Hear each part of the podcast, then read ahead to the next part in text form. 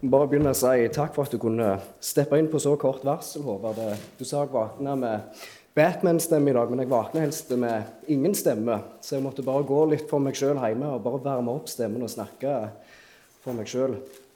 Så eh, ha litt tålmodighet med meg i dag mens jeg skal forkynne.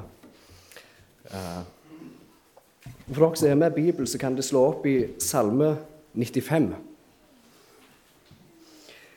Vi skal ikke lese hele salmen, vi skal lese fra vers 1 og fram til vers 6.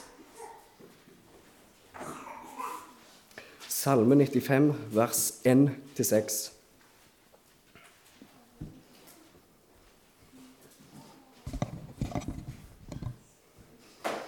Og fort som det meste blir enda litt mer tyngde til forkynnelsen i dag når jeg har såpass grov stemme i forhold til den som jeg pleier å ha. Hør Herrens ord. Kom, la oss juble for Herren, hylle vår frelses klippe. La oss gå fram for ham med lovsang, hylle ham med sang og spill. For Herren er en stor Gud, en stor konge over alle guder. Han har jordens dyp i sin hånd. Fjelltoppene tilhører ham. Havet er hans. Han har skapt det. Hendene hans har formet det faste landet. Kom, la oss knele og kaste oss ned, bøye kne for Herren, vår skaper. La oss også be. Himmelske Far, takk for ditt ord. Jeg eh, ber nå om at du hjelper meg til å kunne formidle ordet ditt på en rett og god måte, og hjelp meg òg med stemmen i dag. Gi meg styrke til å kunne forkynne både det som er ut ifra ditt ord, men òg kunne forkynne fysisk. Så jeg ber om din hjelp, og må du forberede vårt hjerte på hva du vil lære oss i dag. I Jesu navn. Amen.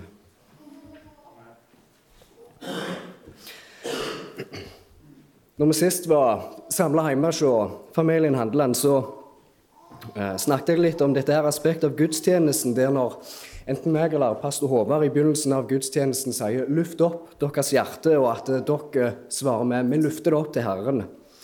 Og snakke litt om at vi gjør dette her pga. at eh, når vi starter gudstjenesten, så trør vi framfører Guds nærvær. Ikke bare trør vi framfører Guds nærvær, men vi blir lufta opp til himmelen som en forsamling. Og som jeg også nevnte da, så er dette her noe som kalles for sursum corda, som betyr 'luft opp deres hjerte'. Og dette her er noe som beskriver selve essensen i hva som er eh, en bibelsk gudstjeneste, nemlig at vi som Guds folk blir lufta opp til himmelen og kommer framfor Guds trone. Derfor er det også viktig at når vi kommer på gudstjeneste, så kommer vi med forberedte hjerte. Og ja, om det har vært en ufattelig travel morgen, og du og din familie med nød og neppe gjerne klart å komme dere gjennom en stressende morgen med kaos rundt uh, morgensmaten, og vært vanskelig å få kledd ungene og gjort det klart til gudstjeneste, og så er det å komme seg i bilen og akkurat klare å komme seg bort til gudstjenesten, gjerne, og så setter en seg ned og på en måte ønsker å bare kunne slappe av. Og du har ikke helt fått samla tankene dine engang. Det er derfor vi også i gudstjenesten ønsker å legge til rette for at vi begynner gudstjenesten med at vi forbereder hjertene, sånn at vi kan få samla tankene, og at vi også kan legge vekk ting som ellers går og tenker på. At ikke det skal Altså om det er en bil som skulle vært på EU-kontroll, eller stover som skulle vært rydda, eller gardsrommet som skulle vært måkt for snø, så skal vi få legge vekk disse tingene i dag. Vi skal få legge vekk disse tingene i dag, og vi skal kunne rette sinnet og fokuset vårt opp imot Gud. Derfor vil vi legge til rette, legger vi også til rette i gudstjenesten for at vi skal få forberede hjertene, av nå trør vi framfor Guds nærvær. I dag så ønsker jeg å ikke bare ta opp et ekstra nytt aspekt av gudstjenesten for å forklare hvorfor vi gjør sånn og sånn, men jeg har lyst til å snakke litt om noe som går gjennom hele gudstjenesten, og det er vår holdning. Kroppsspråket vårt. Og I dag så vil jeg snakke litt om generelt rundt hva Bibelen forteller oss om vårt kroppsspråk i tilbedelsen. Og så vil jeg neste gang snakke litt mer om eh, noe om et element som vi ønsker å legge til i gudstjenesten vår eh, når det kommer til synsbekjennelsen. Der vi nå etter hvert vil begynne at vi fysisk skal gå ned på kne under synsbekjennelsen. Eh, det blir mer spesifikt neste gang jeg skal snakke om det. I dag vil jeg snakke litt mer generelt om vår holdning og kroppsspråk vårt gjennom gudstjenesten. Og så vil jeg også begynne med å tale om det først, før vi faktisk begynner å praktisere det. For litt sånn som jeg gjorde med eh, den ikenske trosbekjennelsen, så hadde jeg jo først en tale der òg, der jeg forklarte litt om innholdet i den, og eh, hvorfor vi ønsker å legge den til i gudstjenesten vår. Og litt det samme vil jeg også gjøre både når det kommer til holdningen, men også når det kommer til det som vi ønsker å legge til i gudstjenesten med å fysisk gå ned på kne, så vil jeg forklare litt hvorfor vi gjør det, sånn at vi alle kan ha litt mer forståelse. At vi ikke bare gjør det for å gjøre det, men at vi kan vite hvorfor vi gjør det. For sånn gjorde jo Gud òg. Gud gjorde alltid sin vilje åpenbart for sine tjenere og profeter før han handla. Når det kommer til kroppsspråket, så er det en ting som er sikkert, og det er at det forkynner en hel del. Det formidler noe til omstendighetene våre. Holdningene våre kommuniserer noe som er en realitet innvendig hos oss. Hvis noen er glade, så viser det seg igjen. De smiler, de ler. Det er et Øynene deres er lyste opp. Likt er det med de som gjerne leier seg. De er nedrullede og er gjerne rolige, sier ikke så mye. Hodet er nedbøyd, og en kan se det på øynene til folk om de er glade eller leie seg. Og dette her med at eh, kroppsspråket vårt forkynner noe til de rundt dere, er ikke noe som vi vet bare ut ifra erfaring, men Bibelen snakker også om det, hvordan vårt kroppsspråk forkynner noe og formidler noe. Og Da kan en f.eks. ta ordspråkene 1225. For de som tar notat, så kan de bare skrive ned det. Ordspråkene 12.25, der står det Uro i hjertet tynger mannen. Et godt ord gjør ham glad. Vi har også ordspråkene 15, vers 13. Glede i hjertet gjør ansiktet vennlig.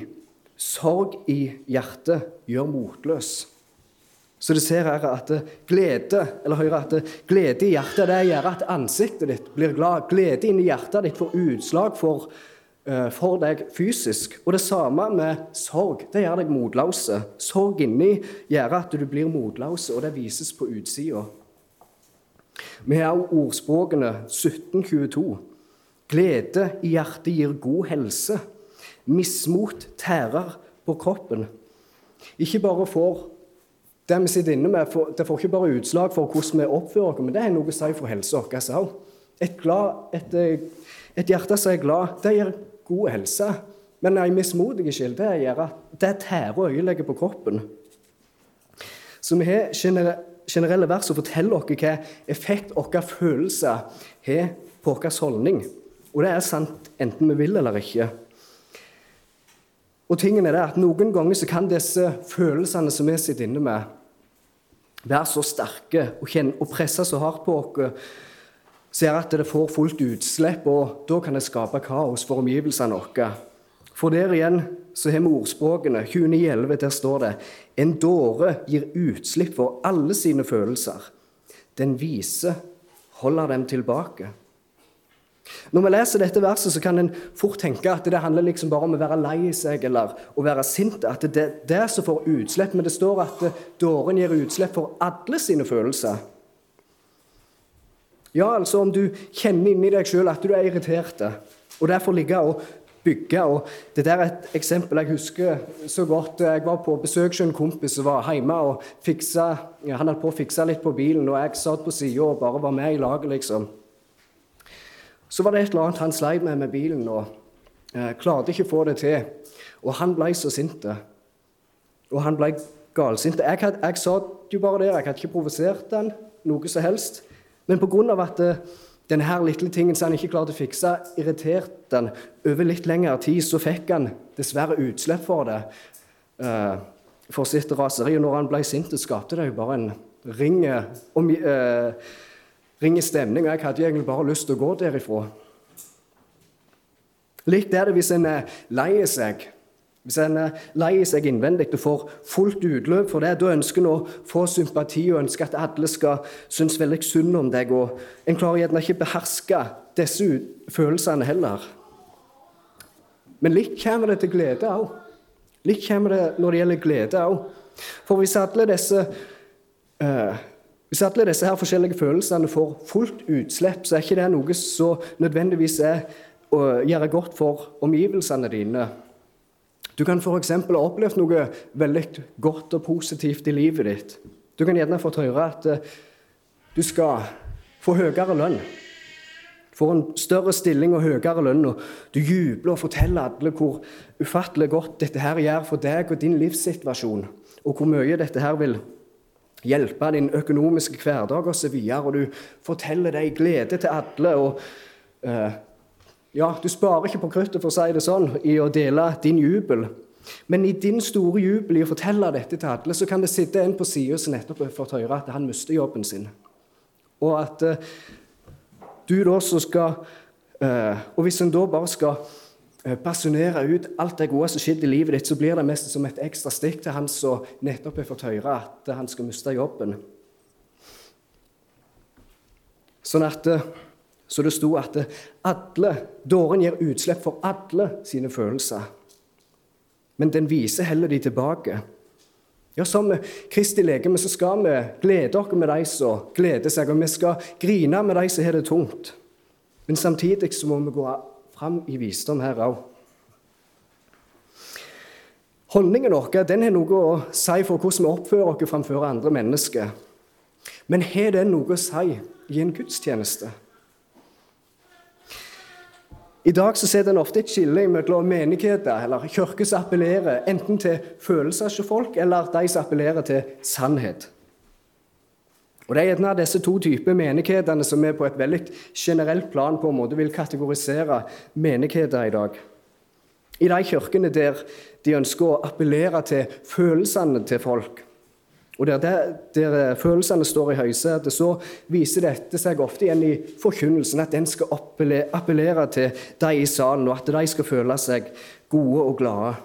Lovsangen varer gjerne lenge, og musikken er stilt inn sånn at du mest kommer inn i en liten transe. De er stilt, eh, de er, det er mørkt i salen, og de har gjerne noen eh, spesielle lys som skal være med å bygge litt på følelsene hos forsamlinga. Mens i kirke i den andre kategorien, de som appellerer til sannhet, der handler det ofte enkelt og greit bare å forkynne det som står i Bibelen. Ikke mer, ikke mindre, ord for ord. En vil på en måte ha det råe materialet forkynt. Lyset skal ikke være dempa, sangene skal ikke ha noen lange sekvenser med følelsesmessige elementer osv. Det skal være god og sunn teologi. Som menighet så vil vi gjerne være litt mer i tråd med sistnevnte kategori. Men jeg tror, og som jeg har lest ifra flere reformerte pastorer, mener at det er et problem med kirker som hovedsakelig appellerer til sannhet. De appellerer kun til hodet vårt. De appellerer kun til intellektet hos mennesket. Det eneste som betyr noe, er å få det råe materialet fra Guds ord. Vi trenger sterk teologi. Kunnskapen om Guds ord trenger å bli bedre. Vi må lære mer om forskjellige doktriner, om det er fempunktskalvinisme, om det er skapelse eller endetidslære osv. Så, videre. så dette ting som må bli pugga og bli innprenta hos oss. Alt handler mest bare om å få øke kunnskapen hos de som hører, eller hos de som er i forsamlinga.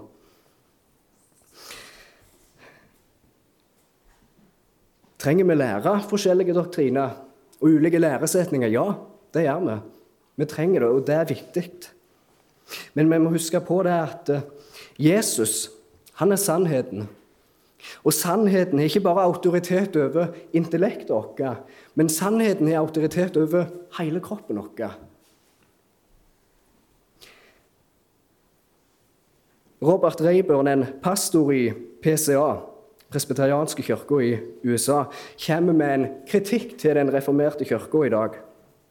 og sier at eh, vi, helst, vi oppfører oss som om at eh, gudstjenesten bare er en åndelig øvelse vi gjør, og at den eneste funksjonen til kroppen vår er å bære sjela vår fra stua hjemme og bære den bort til møtelokalet for at eh, sjela, at sinnet vårt skal bli trent opp.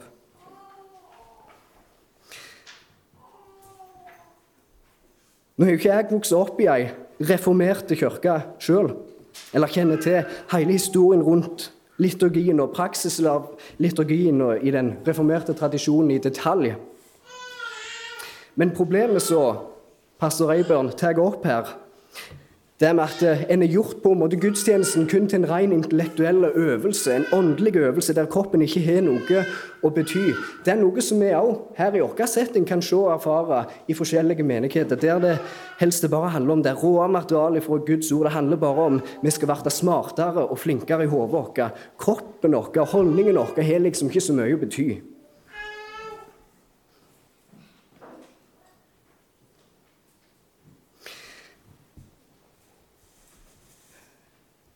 Men hva er det Paulus forteller dere om hvordan vi skal stille oss fram i gudstjenesten?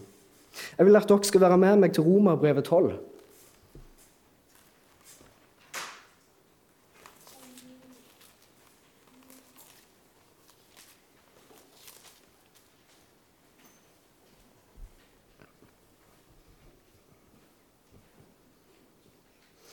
Romerbrevet 12, oss fra vers 1. Derfor formaner jeg dere ved Guds barmhjertighet, søsken, bær kroppen fram som et levende og hellig offer til glede for Gud. Det skal være deres åndelige gudstjeneste. Innrett dere ikke etter den nåværende verden, men la dere forvandle ved at sinnet fornyes, så dere kan dømme om hva som er Guds vilje, det gode, det som er til glede for Gud, det fullkomne. Vi ser at Paulus her oppmuntrer menigheten i Rom til å hva da, framstille deres legeme som et hellig, eh, som et velbehagelig offer for Gud. I tillegg til at eh, sinnet deres må bli forvandla, fornya. For Paulus handler det ikke kun om vårt sinn vårt intellektuelt, eller at det bare er en åndelig gudstjeneste, men både kropp og sjel hører til og er en viktig del av gudstjenesten. Vi finner eksempler fra Bibelen, både fra Det gamle og Det nye testamentet, at når Guds folk skulle tilbe Gud, både privat og i offentligheten, så spilte kroppen faktisk en stor rolle. Vi kan f.eks. lese i Nehemia 8, og der igjen er det bare å notere ned. Det når, handler om når jødene kommer tilbake til Jerusalem etter fangenskapet i Babylon og Jerusalem sine murer ble bygd opp igjen, så kan vi lese om Esra, at han leste, han leste ifra loven framfor hele Israels forsamling. og Så kan vi lese at folket responderte og sa eh, At de lufta hendene sine mens de sa 'Amen, amen'. Og så bøyde de seg ned og tilba Herren med ansiktet mot jorden. I første Krønikerbok 29 når Salomo ble salvet til konge, så kan vi lese at David sier til hele forsamlinga.: Velsign deres Gud. Og hele forsamlingen velsignet Herren, sine fedres Gud. De falt ned og bøyde seg for Herren og kongen. Og Hvis en går fram ei bok til andre krønikebok 29, så kan en lese om kong Hiskian. og han på en måte bringte en reformasjon og fornyelse i tilbedelsen av Gud. Så kan en lese at uh, hele forsamlinga bødde kne, og de tilba mens det var sang og trompeter, og det var klang i trompetene.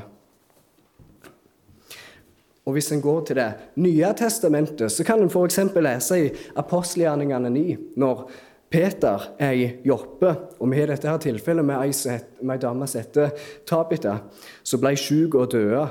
Og Peter kom inn i rommet der folk sto rundt og sørga over huset og lå i senga.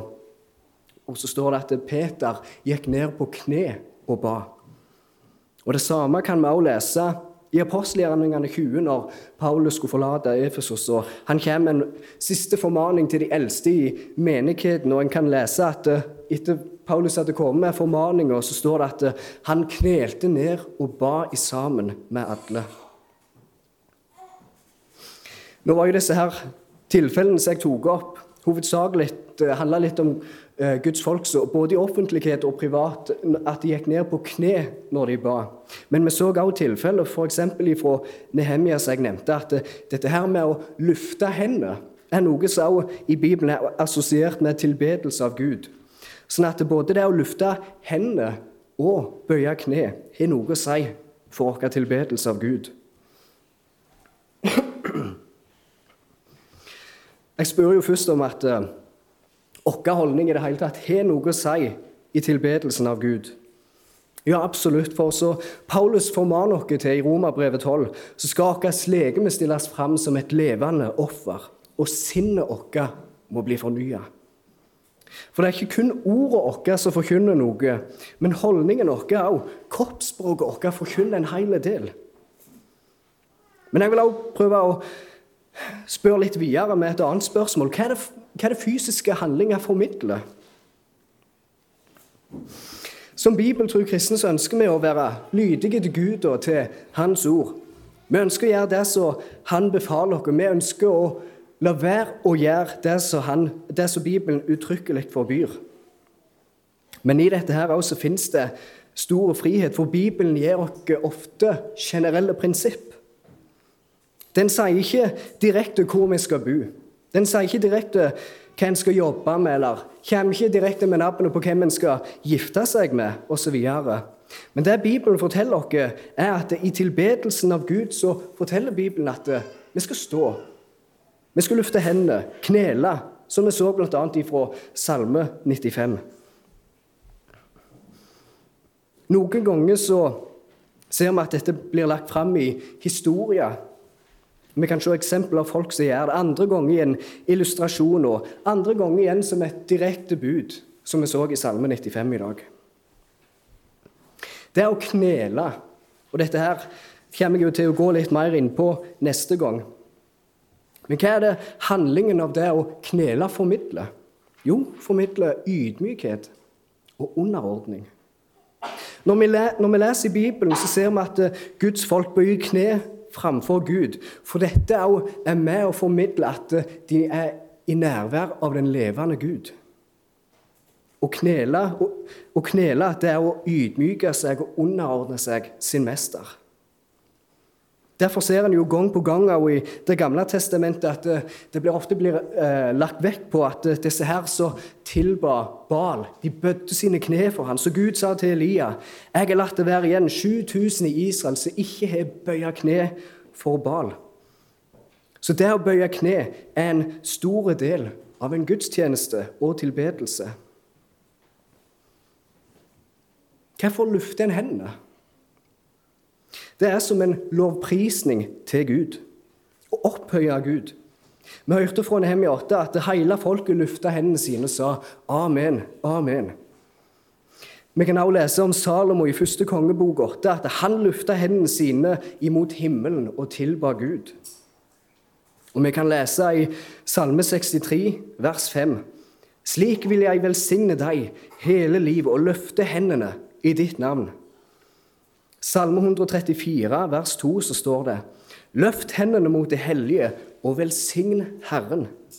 Så det å løfte hendene er noe i Bibelen som blir assosiert med å lovprise Gud. Det er derfor vi også i slutten av gudstjenesten i doksologien som vi synger, vi løfter hendene og oppfordrer andre, dere andre også til å være med og løfte hendene for å lovprise Gud i doksologien. Fysiske handlinger som vi gjør i tilbedelsen av Gud, det, det er ikke for ingenting. Det formidler noe. Det formidler om ei ydmyk ånd, og det formidler om lovprisning til Gud. Fysiske handlinger som vi gjør, det hjelper òg. Det er òg en hjelp for oss til å forstå hvorfor vi samles sånn som vi gjør i dag, på Herrens dag. For det er ingen liten ting. Det er, det er ikke bare som ei vanlig bibelgruppe der vi skal sitte og diskutere noen vers i lag, gjerne ha en sang og be litt. Men vi er i dag løfta opp til himmelen, framfører Guds nærvær. Derfor, derfor, skal disse her fysiske handlingene og, eh, som vi gjør, være en hjelp for oss til å kunne forstå hvem vi er en del av i dag. Gud han vil ha hele deg i tilbedelsen av Han. Ikke bare ditt sinn, ikke bare ditt hjerte. Han vil ha hele kroppen din. som et levende offer. Her er det òg viktig eh, for meg å presisere at eh, både ånd og kropp, selv om at eh, talen i dag handler mer om våre fysiske holdninger i tilbedelsen, så er, så er det viktig å ha både ånd og kropp til stede i tilbedelsen. For det, En kan godt være med på å knele, lufte hendene osv. På en måte se veldig from og flott ut utvendig, men likevel innvendig så har en et hjerte som er i opprør mot Gud. Og sjela og sinnet er gjerne ikke retta mot Gud i det hele. Det fins kristne i dag som gjerne utvendig ser gudfryktige og flotte ut, men innvendig så er det råd og de har et delt hjerte. Og på grunn av dette, da, at det er så mange eksempel på hyklere De er gjerne med på å gjøre disse her forskjellige tingene som en gjør i en gudstjeneste. Og det kan virke så flott og fint under gudstjenesten, men når en kommer, reiser hjem etter gudstjenesten, så lever en bare et lovløst liv etterpå. Og pga. dette så er det mange som på en måte tok avstand fra dette her med å bruke kroppen sin, om det er lufte hendene, om det er gå ned på kne osv. Mange vil gjerne distansere seg fra dette, for de ønsker ikke å assosiere seg. Ellers vil en gjerne si at ja, det er bare sånn de gjør i den romersk-katolske kirka, eller prøve å forbinde det med det. Og pga. at en ikke vil ha noe med, eh, med den romersk katolske kirka å gjøre, så vil en bare distansere seg fra alle ting som på en måte kan ha et snev av Eh, den katolske kirka. Men her vil jeg si at eh, de mer karismatiske kristne har et, et poeng mer enn oss, mer konservative kristne. For de lufter tross alt hendene sine. De går ned på kne i tilbedelsen. Og de synger høyt. De bruker hele kroppen sin i tilbedelsen av Gud. Ja, det er ofte tilfeller av at eh, selv om de gjør disse handlingene, så er det gjerne folk gjør forskjellig. En kneler, en står, en springer rundt, en danser, en veifter med flagg osv. Det er ikke nødvendigvis orden på det som skjer. Men de skal ha det at det de har et poeng mer enn nok mer konservative kristne. at eh, Når de leser at Bibelen forteller oss luft, luft deres hender, så lufter de hendene sine. Når de leser i Bibelen at det står 'å knele', så kneler de. De er mer, ofte mer bibeltru enn hva vi er på dette området. Som konservative kristne i dag så har en sin ære i å være tru til Bibelen og gjøre det som Bibelen sier, men vi har likevel i vår underbevissthet kan si, adoptert et mer gnostisk tankesett når det kommer til tilbedelse, der vi tenker at det er kun sinnet vårt, eller det er kun hjertet vårt som betyr noe i tilbedelsen av Gud. Kroppen vår har ikke så mye å si, det er bare råde og fælt. For hva er, hva er, det vi som konservative kristne gjør når uh, Bibelen sier vi skal knele? Jo, det sier 'jeg kneler hjertet mitt'. Jeg kneler hjertet mitt. Eller når en leser i Bibelen at det står at vi skulle lufte hendene. Jo, jeg lufter hendene i hjertet mitt. For hun konkluderer med at det, det er jo tross alt det som er på innsida som teller. Det er det som betyr noe. Men ikke ifølge Bibelen. Da har det både ånd, det er både sjel og kroppen vår har en stor betydning for Gud i tilbedelsen. En gudstjeneste er ikke bare en rent åndelig eller intellektuell gymnastikktime der alt handler om å høre en tale og pumpe hjernemuskelen vår og vokse i kunnskap. Men en bibelske gudstjeneste inneholder både ånd, sjel og legeme. Kroppen vår er ikke bare et middel som vi bruker for å transportere sjela vår fra en plass til en annen. Men kroppen vår skal også være en del av tilbedelsen. Vi viser også med våre ytre eh, handlinger at vi tilber den levende Gud. Dette er jo også viktig for vi som leder en gudstjeneste Tenk, altså, tenk f.eks. hvis enten meg eller pastor Håvard, når vi, eh, når vi skulle begynne gudstjenesten, og vi hadde sagt 'løft opp deres hjerte', men tafatte og holdning og stemme Det hadde ikke motivert dere i det hele. Eller hvis vi f.eks. når en skal i absolusjon, og vi skal forkynne en fantastisk nyhet om at dine synder er tilgitt i Jesu navn, og hvis vi da også skulle eh, sagt at deres synder er tilgitt i Jesu navn. Det ville ikke motivert dere, det ville ikke gitt dere noe glede.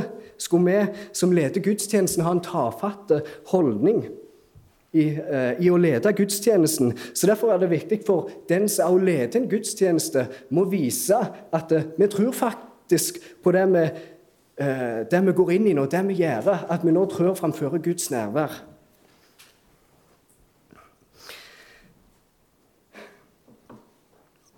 Jeg har tidligere gjort et poeng av at eh, det som er på innsida, får ofte utslipp for det som eh, Får ofte utslipp på vår fysiske holdning. Men det går andre veien òg. Det er ikke bare én vei, det går andre veien òg. Pga. at vår utvendige holdning vil også være hjelp hos oss til å skape en indre holdning. Og dette her er noe som Calvin også sier sjøl, at uh, sjela vår den trenger hjelp ifra kroppen vår til å Den trenger hjelp ifra kroppen vår uh, til å faktisk trene oss opp i å få et høyere syn på Gud. Så det er fysisk knele, det er å løfte hendene. Det er noe som skal hjelpe oss til å få et høyere syn på Gud. Så igjen Ånd, sjel og leke med Gud vil ha hele deg i tilbedelsen. Jeg vil ta en siste ting, både til ettertanke, men også til applikasjon. Denne dagen er en spesiell dag. Herrens dag er den dagen som vi som hans folk kommer sammen for å fornye vår pakt med Gud. Er dette her noe som blir formidla av oss som en menighet? Det blir gjerne de ord, men blir det de handlinger? Blir det de handlinger? Mitt ønske for oss som er en forsamling er at eh, når det f.eks. kommer nye uh, folk på gudstjenesten som ikke har vært innom her, så skal de kunne se og oppleve at her er det noe spesielt som skjer. Her er det noe unikt som skjer. Dette her er ikke bare som en annen forening på en onsdagskveld. Jeg håper og ber, at, ber til Gud om at eh, vi kan være et vitnesbyrd for andre rundt dere, til og med i gudstjenesten. At når folk kommer her, så skal de kunne se at eh, vi er en forsamling som elsker Gud, som frykter Gud, elsker hverandre og tilber Gud i sammen. Så la oss, både våre ord, våre tanker, men også våre holdninger La vår kropp være med og vise at vi tilber den levende Gud.